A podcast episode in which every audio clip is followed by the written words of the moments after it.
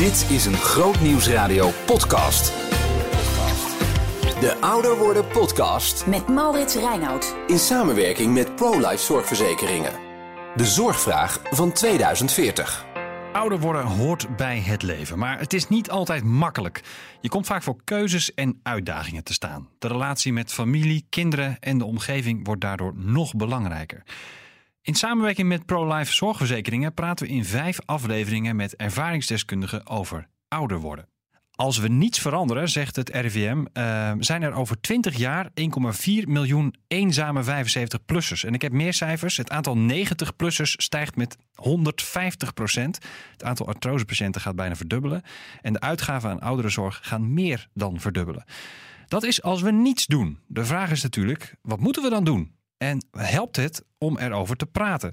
Die vraag ga ik eh, stellen aan mijn gasten. Ik stel ze even aan je voor. Diederik van Dijk is directeur van ProLife-organisatie NPV en Eerste Kamerlid voor de SGP. Maarten Verkerk is bijzonder hoogleraar christelijke wijsbegeerte. Hij was deel van de commissie Snabel, die eh, adviseerde over voltooid leven. En hij is Eerste Kamerlid voor de ChristenUnie. Ook hier is Jos Lijnhorst, directeur van zorgverzekeraar ProLife. Ehm, van harte welkom. Dank u. Dankjewel. Ehm, Maarten Verkerk is over 20 jaar 86, als ik het goed heb. Dat klopt. Ja, Diederik van Dijk is over 20 jaar 69. Ja. En eh, Jos, eh, jij bent over 20 jaar ongeveer 60, geloof ik. Nog maar. Eh, zijn jullie dan oud? Ik moet zeggen, ik kan me dat nog niet zo goed voorstellen. Ik heb op dit moment nog best veel energie. En natuurlijk denk ik erover na. Maar eigenlijk als ik er zo in zit, denk ik... ach, ik kan nog wel 10 of 20 jaar op dezelfde manier doorgaan. Nou is dat natuurlijk niet realistisch om dat te denken. En ook ik moet me gaan voorbereiden... om dat maar even op die manier eh, te zeggen. Maar ik voel me op dit moment nog niet oud. En Nee, maar nog een jaartje en dan, dan is de pensioengerechtigde leeftijd daar. Nou, formeel is er nu ook Oh, al. formeel nu maar al, of ja. ik me nou over 10 of 20 jaar oud voel, ik zou het niet weten. Nu in ieder geval nog niet. Nee. En waar komt dat dan door? Ja, ik weet het niet. Ik, eh, ik heb nog veel eh, energie. Ik eh, doe nog veel. Ik denk over veel dingen na. Ik vind het leuk om nieuwe dingen te doen. Ik heb geen enkele reden om na te denken over mijn leeftijd eigenlijk. Hm. Oké. Diederik van Dijk. Ja, over twintig jaar ben ik ongeveer net zo oud als Maarten nu is. En nou, eerlijk gezegd, ik hoop dat ik dan ook zo mag bijzitten. Eigenlijk nog, zo ken ik Maarten, zo'n collega van mij in de Eerste Kamer. Vitaal, eh, intellectueel, scherp en alles. We hebben natuurlijk niet zelf voor ons zeggen. Het is een, een zegen als je op zo'n manier oud mag worden. Zeker. Ehm, maar ja, eh, eh, over 20 jaar ben ik inderdaad 69. Daarmee waarschijnlijk gekomen aan het einde van mijn werkzame leven. En ik moet heel eerlijk bekennen dat ik er nog erg weinig mee ben bezig geweest. Eh, wat dan daarna? Ja. Nee, Dat is een vraag die dan, eh, 20 jaar is nog heel ver weg natuurlijk. ja, waarbij het wel heel goed is om er tijdig over na te denken. Eh, ook tijdig over te hebben. Ook met je kinderen. Ook als het gaat om eh, extra zorg die je misschien nodig hebt. Eh, we weten inmiddels, we kunnen niet alles meer blijven verwachten van de overheid en van allerlei professionele organisaties. Ik denk dat dat wel een les is, ook misschien voor mensen als mij. Om tijdig ook gewoon met je kinderen te bespreken. Wat zouden jullie tegen die tijd kunnen doen? Eh, hoe kunnen we ons daar nu al op, op voorbereiden? Dat is denk ik heel wijs. Jos, jij bent eh, dan eh, ongeveer 60, hè? Over, over 20 jaar. Hoeveel Ja. is het precies? Sorry? Hoeveel is het, hoe oud ben je dan precies? Dan ben ik 20? 59. 59, Ja. oh ja. Is dat oud? Nee, nee, dan ben je halverwege je loopbaan. Ehm, het zou heel goed kunnen dat ik tegen die tijd zowel zorg heb voor kleinkinderen als voor mijn ouders. Dus dat is, Ah. het zou kunnen. Dat is wel bijzonder. Ja, En ehm, wat is oud dan volgens jou? oud. Ja, je, je kunt het koppelen aan leeftijd. Ehm, ik, ik denk als je dat doet, dan, dan heeft oud niet per se een karakteristiek. In de zin dat je kunt gezond oud zijn, je kunt niet gezond oud zijn. Je kunt beperkt zijn, afhankelijk. Eh, en, en in mijn hoofd is oud wel meer geassocieerd met het laatste. Dus het afhankelijk zijn, in toenemende mate afhankelijk worden. Ehm, merken dat het leven niet langer vanzelfsprekend is. Dat dingen niet meer kunnen. Dat je... Dat is mijn associatie bij oud. Ja. Maar dat, du- dat duurt dus, zou je dan zeggen, volgens jouw definitie van oud zijn, steeds langer. Ja, op dit moment wel. Ja. Ja. Dus er komen steeds meer ouderen bij. We noemen Ja. ze dan oud volgens de, de leeftijd die ze hebben. Ja. Maar ja, het schuift ook steeds meer op eigenlijk hoe, hoe oud je bent en wanneer je oud bent. Ja, het is, het is ook een- op enig moment teruggelopen. Want vroeger werden ze boven de 900 jaar. Dus, eh, Ja, dat klopt, ja. ja. Er is een keer heel, heel rap eh, een, een soort verkorting in de Ja. levensduur eh, Ja. geweest. En, nu- en nu zijn we dat langzaam weer aan het rekken, zou je kunnen zeggen. ja, precies. Ja. Waarom, waarom is het belangrijk om dit onderwerp te adresseren? Het RIVM doet dat natuurlijk. Heeft in augustus een soort van factsheet eh publiek gemaakt. Die feiten die ik noemde. hè, over de zorgvraag die gaat toenemen. En de zorgkosten die gaan toenemen. Die komen daar ook uit. Die zeggen als we niks doen dan gebeurt er dit. Waarom is het belangrijk om het te hebben over ouder worden, Maarten? Nou, een van de meest belangrijke dingen is misschien het zelfbeeld wat we hebben. Als je gaat kijken wat er de laatste decennia het belangrijke beeld eh, is van mensen. Mensen zijn sterke mensen. Ze kunnen alles. Nou, als je echt ouder wordt, dan takel je af. En daar moet je zelf op de een of andere manier je daartoe verhouden. En je moet het ook begrijpen wat er met jezelf gebeurt. En je moet het ook, laat ik dat woord even gebruiken, verwerken. En dat betekent ook dat je anders naar jezelf gaat kijken, anders naar zingeving gaat kijken. Ook denk ik in het geloof anders leeft en beleeft. Nou, daar moet je je, laat ik toch even dat woord gebruiken, op voorbereiden. Dat gaat niet vanzelf. Als je de prikkels uit de samenleving eh, kijkt die je, die je ontvangt, dan blijft het het idee van de sterke mens. Nou, als je ouder wordt, dan is dat idee niet meer van toepassing. Nee. Is dat kwalijk? Dat als je je alleen maar richt op wat er vanuit de maatschappij of vanuit de media op jou afkomt, dat dat, dat eigenlijk helemaal geen, geen ruimte geeft voor, voor dat beeld van iemand die afhankelijk is en die, die niet meer per se sterk is? Ik denk dat dat beeld de samenleving uiteindelijk heel kwalijk is. Het is namelijk heel onbarmhartig. Het gaat ervan uit dat iedereen sterk is, dat iedereen zijn eigen leven kan uitstippelen. En een heleboel mensen kunnen dat niet. Ook sommige jongeren eh, kunnen dat niet. Ook sommige mensen van mijn leeftijd kunnen dat niet. Maar als je ouder bent of oud bent, dan kun je dat zeker niet. En dan maakt het lastiger om na te denken eh, en te beleven wat betekent het om oud te zijn. Ja. Diederik, eh, je, eh, de- oud zijn of, of zorg voor ouderen, dat is voor de NPV natuurlijk een belangrijk thema. Er wordt ook veel advies over gegeven naar richting zorgorganisaties. Ehm, eh, wa- wat, wat maakt dit voor jou een belangrijk thema? Ehm, het is het thema wat inderdaad eh, Maarten denkt terecht onderstreept van hoe kijk je aan tegen ouderdom. Eh, we hebben het heel vaak in dit verband over de wijsheid van de grijsheid. Om juist het positieve te onderstrepen. Ja. Niet tegen mensen aankijken, oh die zijn er bijna geweest. Dus oftewel het is iets waar je nog een poosje mee moet doen en dan zijn ze weg. Nee, kijk wat ze allemaal nog te bieden hebben. Aan wijsheid, aan levenservaring. Ook als het gaat om het geloof kunnen oudere mensen ons zoveel meegeven. Dus dat beeld wil je heel graag eh, neerzetten. Ehm, en wat ik ook heel erg belangrijk vind, ehm, daar moest ik aan denken ook toen ik eh, Maarten hoorde spreken. Wat hij zegt over ouderdom en er soms ook wat negatieve connotaties daarbij. Het is ook heel erg West-Europees. Eh, We zien nu de verkiezingscampagne in de VS. Mensen die ver in de 70 zijn, die gaan er gewoon even op om president eh, van de VS te worden. En dat is geen Israël- bijbaan. Dat is zeker geen bijbaan. eh, en blijkbaar wordt het daar ook niet op afgerekend op die leeftijd. Dus wat is er misgegaan in onze samenlevingen, in de West-Europese samenlevingen, dat we eigenlijk zo kritisch kijken of terughoudend als het gaat om ouderen. En zijn we zo veel te weinig van bewust wat de ouderen wel niet allemaal hebben te bieden. We zien ook wel in de spiegel in het voorhouden van inderdaad het leven gaat niet alleen maar opwaarts, maar er is ook gebrokenheid en er is afname van krachten. Ja, kunnen we daar nog wel mee omgaan? Eh, kunnen we nog omgaan met, met lijden en eh, met ouderdom en de gebreken die daarmee eh, gepaard gaan? Dus ouderen zijn ook een hele nuttige spiegel, denk ik, voor ons. Zeker in een samenleving waar het allemaal draait om mooi zijn en jong blijven en vooral flitsend je presenteren op Instagram. Laten wij die ouderen maar koesteren en er heel goed eh, gebruik van maken. En goed voor ze zorgen. En goed voor ze zorgen. Nou, precies. Nou, dat raakt ook aan het werk van de NPV. Eh, wij mogen nog altijd bu- buigen, eh, bogen op ruim 7.500 eh, vrijwilligers die thuishulp verrichten. Die doen allerlei klusjes. Maar minstens zo belangrijk is, is dat ze gewoon ook gezelschap bieden aan mensen. En voorkomen dat mensen wegzakken in eenzaamheid en dergelijke. Ja, dat omzien naar elkaar. En dat doen ze onbetaald. Ja, dat is goud waard. En dat moeten we ook koesteren. Ik vind het mooie dingen die jullie noemen. Ehm, wat, welk deel van, van ouder worden, wat we nu in de samenleving misschien wel eens voorbij horen komen in het nieuws, maar wat nog niet op de voorgrond staat, zou wat jullie betreft nog veel meer aandacht mogen krijgen? Is dat? Is dat een zorgvraag? Hè? Hoe, gaan we, hoe gaan we het betalen bijvoorbeeld in, over 20 jaar?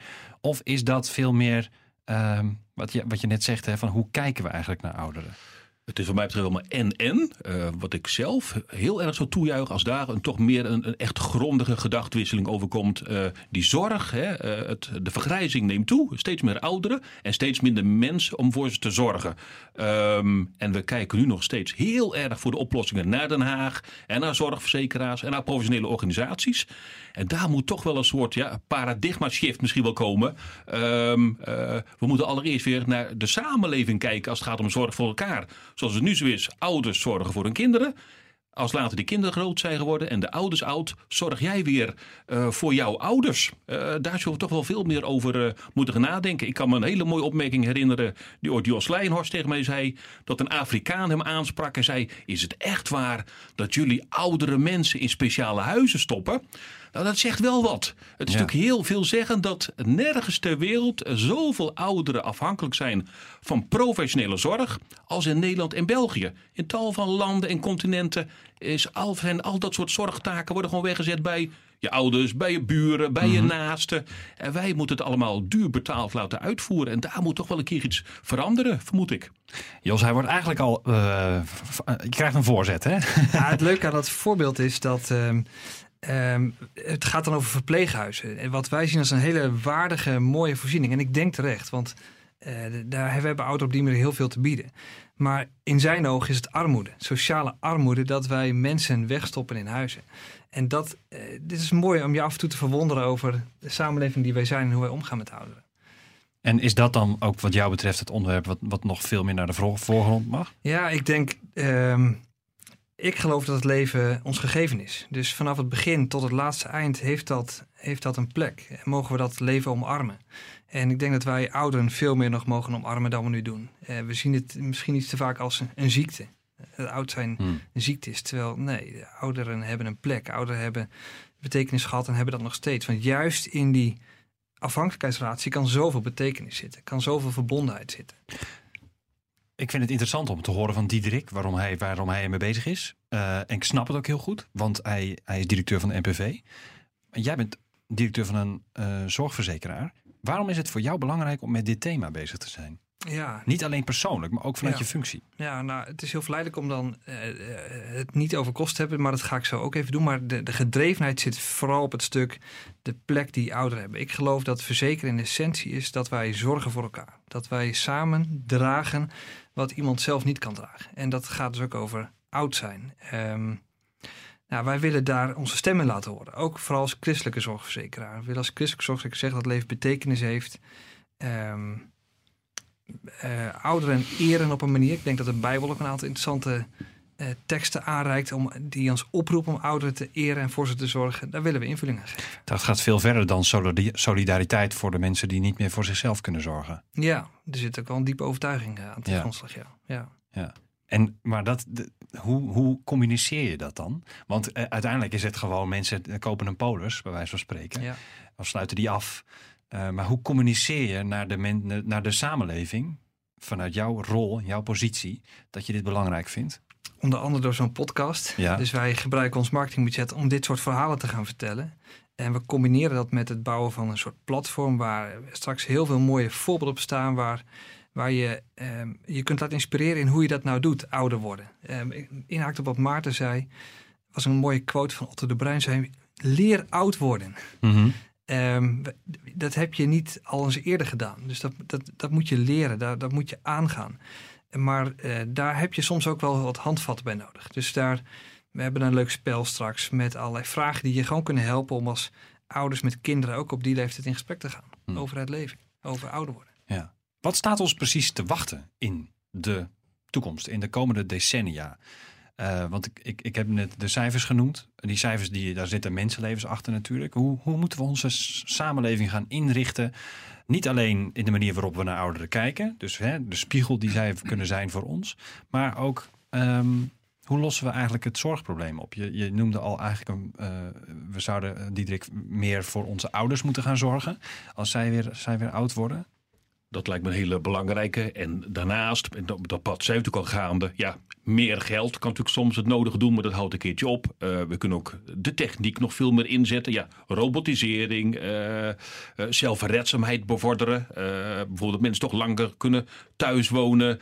Standaard de traplift in je huis. Waarbij je er nog altijd wel het probleem blijft houden dat een traplift voorlopig niet terugpraat tegen je. Dus die, die eenzaamheid is daarmee niet opgelost. Ja. Maar het is denk ik wel een mix van dat soort maatregelen. ja. Waarbij ik zelf het heel ingewikkelde vind. En ik weet dat Maarten daar voor mij ook goed over in nagedacht. Wat ik net zei, wat Jos ook zei. Eh, die verbanden, eh, het omzien naar elkaar. Kinderen weer naar het ouders als ze oud zijn. En de gemeenschap. Alleen die verbanden zijn wel heel erg inmiddels verbrokkeld en verscheurd. Ehm, ja, wat kunnen we daar nog van verwachten? Is voor mijzelf ook een hele belangrijke vraag. Want theoretisch kunnen het allemaal heel mooi. En dan kun ik ook nog wijzen naar de rol van de kerk. Maar die is ook heel flinke opzichten gemarginaliseerd. Ja. Ja. Wat is er nog te behalen? Heb jij daar nog goede ideeën over, Maarten? Misschien. Moet, moet vadertje staat zijn, zijn, zijn kinderen gaan opvoeden? Ja, daar is vader staat niet zo erg goed in, denk ik, mensen opvoeden. Uh, wat ik heel positief zie als je kijkt naar de toekomst, is dat mensen blijven ook langer gezond. Dus mensen worden ook niet ouder, maar ook de tijd dat ze gezond zijn, wordt ook groter. En dat biedt ook veel mogelijkheden voor ons als samenleving. Uh, het feit dat menselijke relaties uh, dunner worden, dat mensen meer op zichzelf gericht zijn, dat er ook meer eenzaamheid is, dat is niet een probleem wat we met een paar acties zomaar oplossen. Dat is een heel fundamenteel uh, probleem in onze samenleving. Uh, pas hoorden wij een mooi verhaal, mooi tussen aanhalingstekens. Uh, in onze kerk hadden we een vrouw met, uh, met dementie en die was in een verpleeghuis. En die werd elke twee weken of om de week zondagsmiddags opgehaald naar de kerk. En dan gingen de mensen naar binnen toe, haalden erop, brachten naar huis, bleven even koffie drinken en gingen weer weg. En een heleboel mensen in het verpleeghuis die waren jaloers op haar. Want zij kreeg nog bezoek en zij werd eruit gehaald. Hmm. En de verpleegkundige vertelde ons dat er mensen waren die al een half jaar lang geen bezoek hadden gehad. Nou, ik denk dat je hier een stuk van de geweldige problematiek van onze samenleving ziet. En daar helpen wetten niet bij, daar helpen technologie niet bij. En over dit soort post podcasts bij helpen. Ik weet het ook niet, als ik het zo even mag zeggen. Maar heel fundamenteel, we zijn mensen en we zijn ook medemensen. En ik denk dat we op dat fundamentele niveau ons moeten afvragen: hoe staan wij in het leven? En dat zeg ik tegen mezelf en daar praat ik thuis over. En daar moet je met elkaar over praten. Wat betekent het als jij zeg eens veel kracht hebt gekregen of veel goede relaties hebt uh, gekregen? Hoe ga jij dan om met al die uitdagingen in de samenleving? Mm. Maar dat, ik snap het. De, de acties en, en, campagnes en, een podcast, dat is misschien niet zaligmakend op dit gebied. Maar het is wel de grootste uitdaging. Dus je zou er toch een strategie op los moeten laten misschien. Nou, al dit soort dingen moeten we allemaal doen. Alleen wat ik verleerd heb, of wat ik ervaren heb, dat niet altijd zo goed werkt. Je kunt wel dingen willen, je moet het ook zeker doen. Maar het glipt ook weer heel vaak uit je handen. Dus ik zou niet willen suggereren dat we dit soort problemen allemaal gaan oplossen. Dat geloof ik niet. Ik geloof wel, en dat is het goede nieuws, we kunnen dingen doen. En we kunnen in gesprek gaan en we kunnen een podcast hebben en we kunnen uh, techniek goed gebruiken en we kunnen mm. nog een heleboel dingen doen. Nou, uh, dat is de goede boodschap en laten we dat ook doen. En of we dan die problemen oplossen, ik weet het niet. Ja, volgens mij liggen er uh, hele grote maatschappelijke en ook politieke vraagstukken voor de komende twintig jaar. Um, maar, maar wordt hier ook benoemd ook heel persoonlijke vraagstukken. Voor mijn ouders nu, hoe, hoe wil ik wonen over twintig jaar? Hoe, hoe ga ik zo wonen dat dat ook gecombineerd kan worden met samen, met zorg met, en met wie? Uh, en voor mijzelf dezelfde vraag. Als mijn ouders uh, over twintig jaar hulp nodig hebben. Uh, ik woon in Haarlem, zij wonen in Dalfsen, achter Zwolle. Vanaf hier gezien dat duurt wel even voordat je daar bent. Ja, ja. Dus, dus dit zijn heel persoonlijke vragen die denk ik wel allemaal... En ik heb ook mensen in mijn kerk die oud zijn. Hoe verhoud ik me tot deze mensen? Welke rol neem ik daar? Dus volgens mij ligt er een persoonlijke... Beantwoord die vraag dan eens. Ja. Ik zie ze nu op zondag. Uh, we hebben seniorenkerst, maar daar kom ik niet. Uh, dus eigenlijk dit onderwerp heeft mij even teruggeworpen op de vraag... hoe doe ik dat zelf? Mijn oma is afgelopen zaterdag, althans afgelopen zaterdag hebben we gevierd dat zij 90 jaar wat hmm. werd. Zij is de laatste van mijn grootouders die nog leeft. Ja, ik moet met alle schaamte bekennen dat ik haar niet zo heel vaak gezien heb de afgelopen drie jaar. Dus het is, eh, dit is ook een persoonlijk appel voor mij. Hm. Maar ik denk voor iedereen. Ja. Dat zou heel goed kunnen, ja. Dat, eh, ik denk ook dat als mensen luisteren, dat dit ook wel een vraag is die ze zichzelf eh, zullen stellen. Ehm, heel praktisch vraagje. Eh, het gaat de samenleving ook behoorlijk veranderen, hè? Eh, meer ouderen. Eh, de- ja, dat betekent gewoon de, die, die, die, die, die dennenboom, zeg maar, de, de kerstboom, zeg maar, in de, in de bevolkingspyramide, die gaat er toch heel anders uitzien. Ehm, wat betekent dat voor eh, gewoon praktisch hoe de samenleving er over twintig jaar uitziet? Ik, ik, ik kan me bijvoorbeeld voorstellen dat mobiliteit een heel ander vraagstuk gaat worden. Ehm, maar ook misschien media, dat we meer ons gaan focussen op ouderen. Wat denken jullie daar wel eens over na? Over hoe ziet de samenleving er over twintig jaar uit?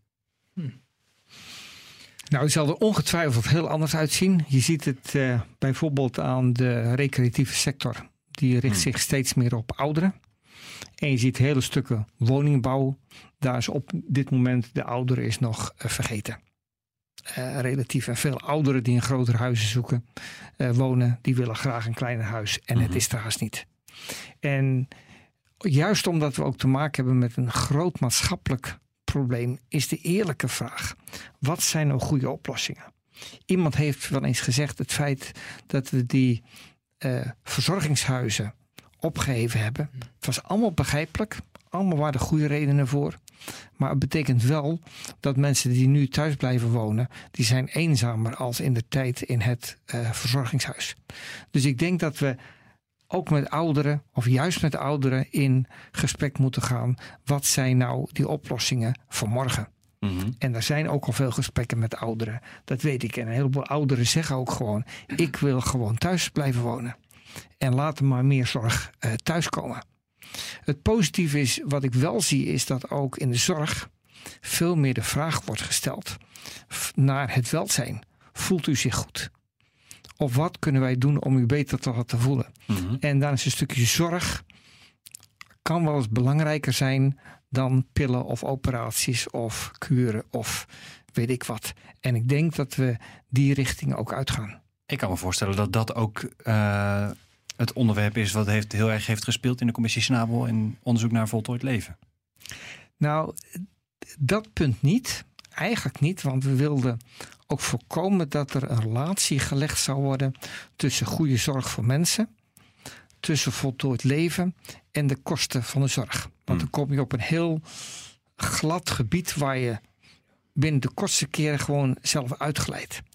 Wij hebben zelf gezegd van wat is nou eigenlijk, wat verstaan wij onder voltooid leven? Ja. Wat is de aard van de zorg? En die aard van de zorg is inderdaad mensen die zeggen: Ik wil niet op deze manier, op deze manier door blijven leven. Ik heb die problemen, of ik heb die problemen, of die problemen. En dat wil ik eigenlijk niet. Mhm. En is dat dus, daar kan een appel uit klinken, hè? Uit, uit, uit, dat, uit dat wat mensen omschrijven als dit is niet het leven wat ik wil voor deze maatschappij en ook voor de toekomst, denk ik.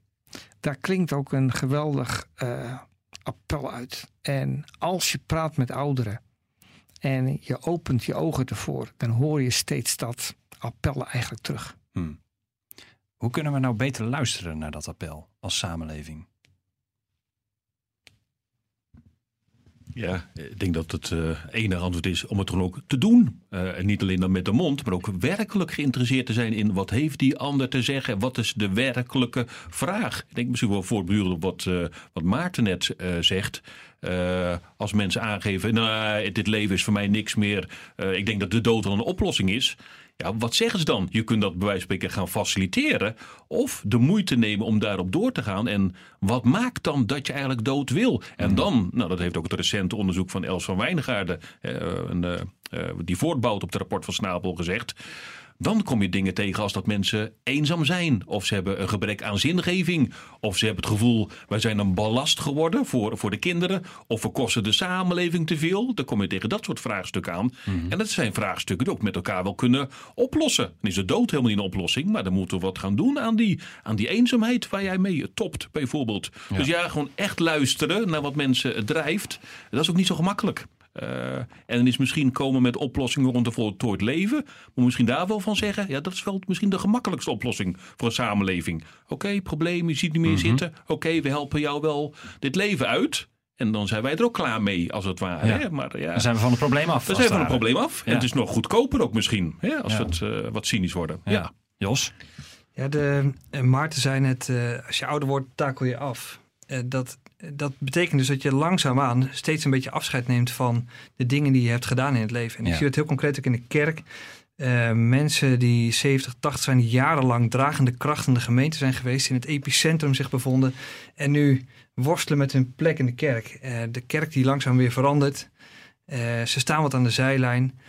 Dat soort dingen bespreekbaar maken. Dat je afscheid neemt. De pijn die dat met zich meebrengt. Dat is volgens mij heel belangrijk. En een concrete invulling van luisteren. Eh, Wat zijn de dingen waar je afscheid van neemt? Hmm. En hoe is dat? Het is ook geen gemakkelijk onderwerp om over te praten. hè. Dat heeft het misschien ook nog wel mee te maken. Dat het misschien ook moeilijk is voor mensen die nog vol in het leven staan om die vraag te durven stellen. Zeker. Ik kan me een moment herinneren dat ik met een, een, een bejaarde dame sprak. Die, eh, dat is nog niet zo heel lang geleden. Wiens leven drastisch is veranderd. Omdat ze een, een hersen, een kle- zo'n kleine hersenbloeding had gekregen. Waardoor ze veel niet meer kon onthouden. En ehm, eigenlijk durfde niemand, niemand in haar omgeving de vraag te stellen. Maar wat bent u eigenlijk bang voor de dood? Of, of eh, hoe kijkt u daar nou tegenaan? En wat vindt u nou vervelend? En wat vindt u nog mooi? Die, die vragen, waarvan we ze misschien gewoon wel moeten stellen, die durven niet zoveel mensen te stellen als het leven zo kwetsbaar wordt. Ja. ja dat, dat Het levert wel de mooiste gesprekken op. Ja, Maar ja. ik herken de drempel. ehm, maar het levert de mooiste gesprekken op. Maar goed, dat is dus lastig. Ehm, toch is ouder worden, zit ook heel veel moois in. En Een paar van die dingen hebben wij al gehoord. Wat vinden jullie eigenlijk mooi aan oud worden, Maarten? Op een aantal punten merk ik toch met het ouder worden dat je, nou, je op sommige dingen minder druk maakt. Dat je op sommige dingen ja, uiteindelijk wat rijper voelt. Dat je ook op met sommige dingen gewoon makkelijker gelukkig kan zijn en zeg je, wat is het toch mooi. En noem eens een voorbeeld. Nou ja, weet je ook het simpele. Ik ben een jogger. Als ik gewoon in Limburg daar tussen die velden jog en die heuveltjes en die bossen, dan denk ik, oh wat ben ik een eh, gelukkig mens. En nou, dat is een heel klein eh, voorbeeld. Er zit toch iets van een stukje rijpheid in wat het makkelijker maakt om het leven te leven. Dat is bijvoorbeeld een van die mooie dingen, vind ik zelf. Ja, Jos, je bent eigenlijk nog hartstikke jong, hè? Zeker. Gelukkig maar, en zo voel je ook. Maar eh, ja, wat, wat vind jij eigenlijk het mooie aan ouder worden? Misschien niet eens bij jezelf, eh, terwijl we worden allemaal ouder natuurlijk. Maar misschien van je ouders of, of misschien wel je grootmoeder. Ja, wat Maarten zegt, het relativeren. Ehm, eh, ik ik zat, was met mijn kinderen onderweg naar mijn, verjaardag van mijn oma. En toen heb ik even opgesomd wat ik dan weet van wat er in haar leven allemaal is gebeurd. En dat eh, begon al voor de oorlog. Nou, dat zijn zoveel verhalen waar, waar zoveel voor ons rijkheid in zit. eh, in hoe wij naar ons leven kijken, naar onze tijd kijken. Eh, dus dat relativeren door dingen die zij hebben meegemaakt. Het leven kunnen overzien. Ehm, Ik hoor weer relativering. Dat is, wel, eh, dat is dus een hele belangrijke eigenschap van ouderen. Diederik, wat, wat, wat vind jij mooi aan ouder worden? Ja, ik herken best wat de vorige sprekers ook zeiden, maar eh, ehm, inderdaad, met het ouder worden neemt je levenservaring toe. En daar hoef je niet hele dikke boeken voor te lezen. Inderdaad, dat gaat dan vanzelf, dat krijg je zomaar. Levenswijsheid, die is eigenlijk onbetaalbaar. Maar met het ouder worden, ehm, ja, je gaat het leven door. Met alle butsen en deuken ook van dien, zeg maar. Met ook al je eigen uitglijders en zonden. En ik vind ook wel, dat vind ik toch echt een, een mooier iets van, van het ouder worden. Je wordt je steeds meer bewust ook van, van de trouw van God. Die jou blijft dragen, ondanks alles wat ik er zelf van maakt. Al die jaren door. En ja, zoveel schiet het allemaal niet op. Het allemaal beter wordt als het ware. En God blijft trouw. En dat, ja, die vastheid en zekerheid die je in hem mag vinden, in Christus. Dat, dat kan dus ook groeien in de loop van de jaren. Eh, omdat je al zo lang met hem mag oplopen, als het ware. En ja, dat vind ik toch echt iets, iets, iets moois. Ook toch van het ouder worden, ook in het geloof. Ja. Ja, kan me wel voorstellen, ja. Ik was vanmiddag, ik was vanmiddag op een eh, eh, begrafenis en er werd een quote aangehaald van, van iemand die echt in de laatste levensfase zat en die zei: Ik ga achteruit, maar het gaat de goede kant op. Ja, die uitspraak. Dat is prachtig. Ja. Ja. Ja. dat is heel mooi. Zeg, hoe zorgen we ervoor dat dat, dat dat zo blijft? Dat we ook mooier ouder kunnen worden? Wat, wat kunnen we daar nog voor doen? Ehm, misschien zelf als we ouder worden? Want we hebben het, we hebben het nu een beetje opgevat als een, ook een maatschappelijk probleem. En ook even gezocht naar de antwoord op de vraag: hoe pakken we dat maatschappelijke probleem aan? Hoe zorgen we ervoor dat we anders erover gaan denken? Maar misschien, ja, want als je, als je zit te luisteren en je wordt ouder, ehm, hoe kan je ervoor zorgen dat dat, dat, dat ook leuk is en, en ook mooi is en ook rijk is? Ja, er blijft altijd iets. Wees eerlijk en kijk in de spiegel. Kijk, wat zeggen we in deze maatschappij? Dat je een zinvol leven hebt als je nog allemaal nieuwe dingen kunt doen. Als je nog dit kunt doen en dat kunt doen. Ik denk dat de eerlijkheid gebiedt te zeggen, als je oud bent, dan lukt dat vaak niet meer. En besef gewoon in wat voor situatie je bent. En kijk hoe je in die situatie van betekenis kan zijn voor anderen. En hoe je in die situatie kan leven met God. Dus accepteer je pijn. Probeer je pijn te accepteren. Probeer je eenzaamheid te accepteren.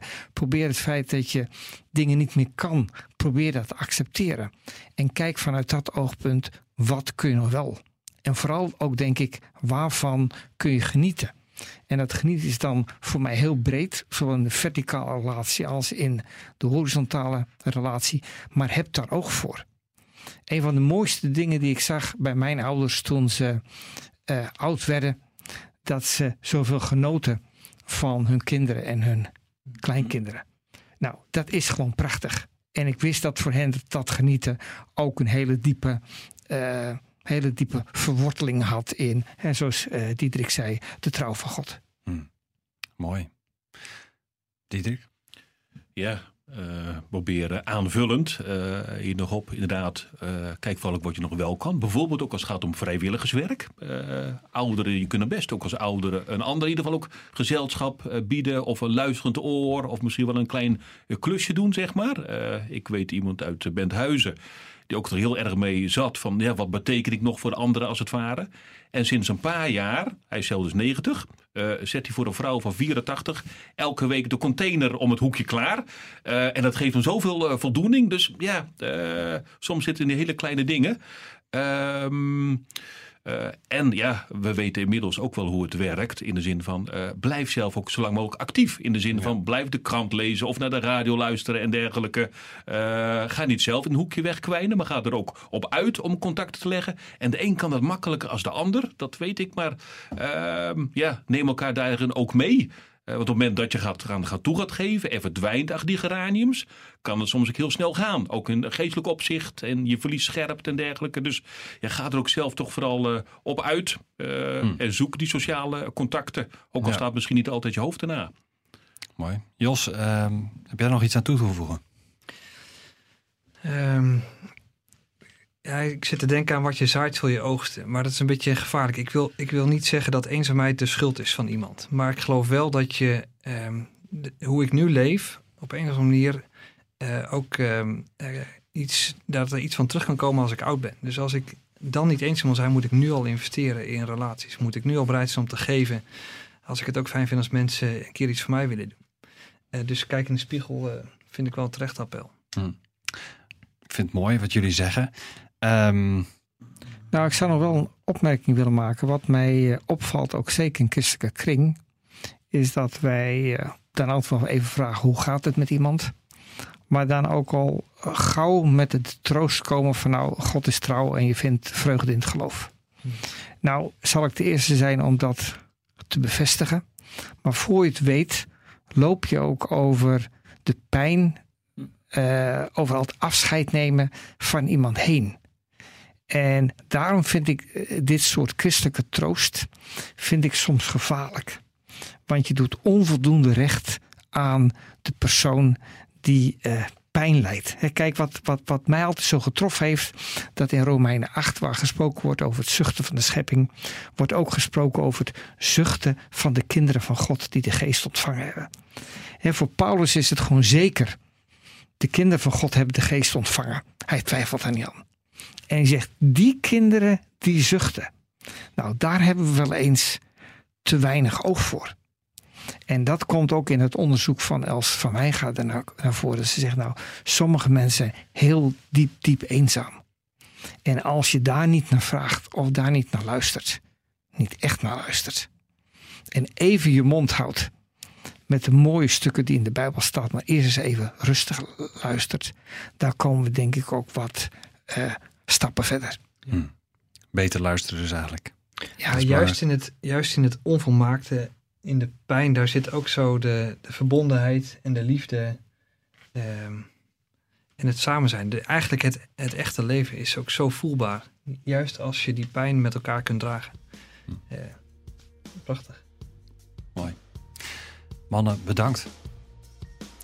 graag gedaan. Graag gedaan. En fijn om hier te zitten. Dank je. Om ouderen en hun kinderen te helpen heeft ProLife Zorgverzekeringen het programma Ouder Worden ontwikkeld. Op prolife.nl slash zorgen voor elkaar vind je waardevolle informatie die je kan helpen bij ouder worden. Behoefte aan meer? Grootnieuwsradio.nl slash podcast.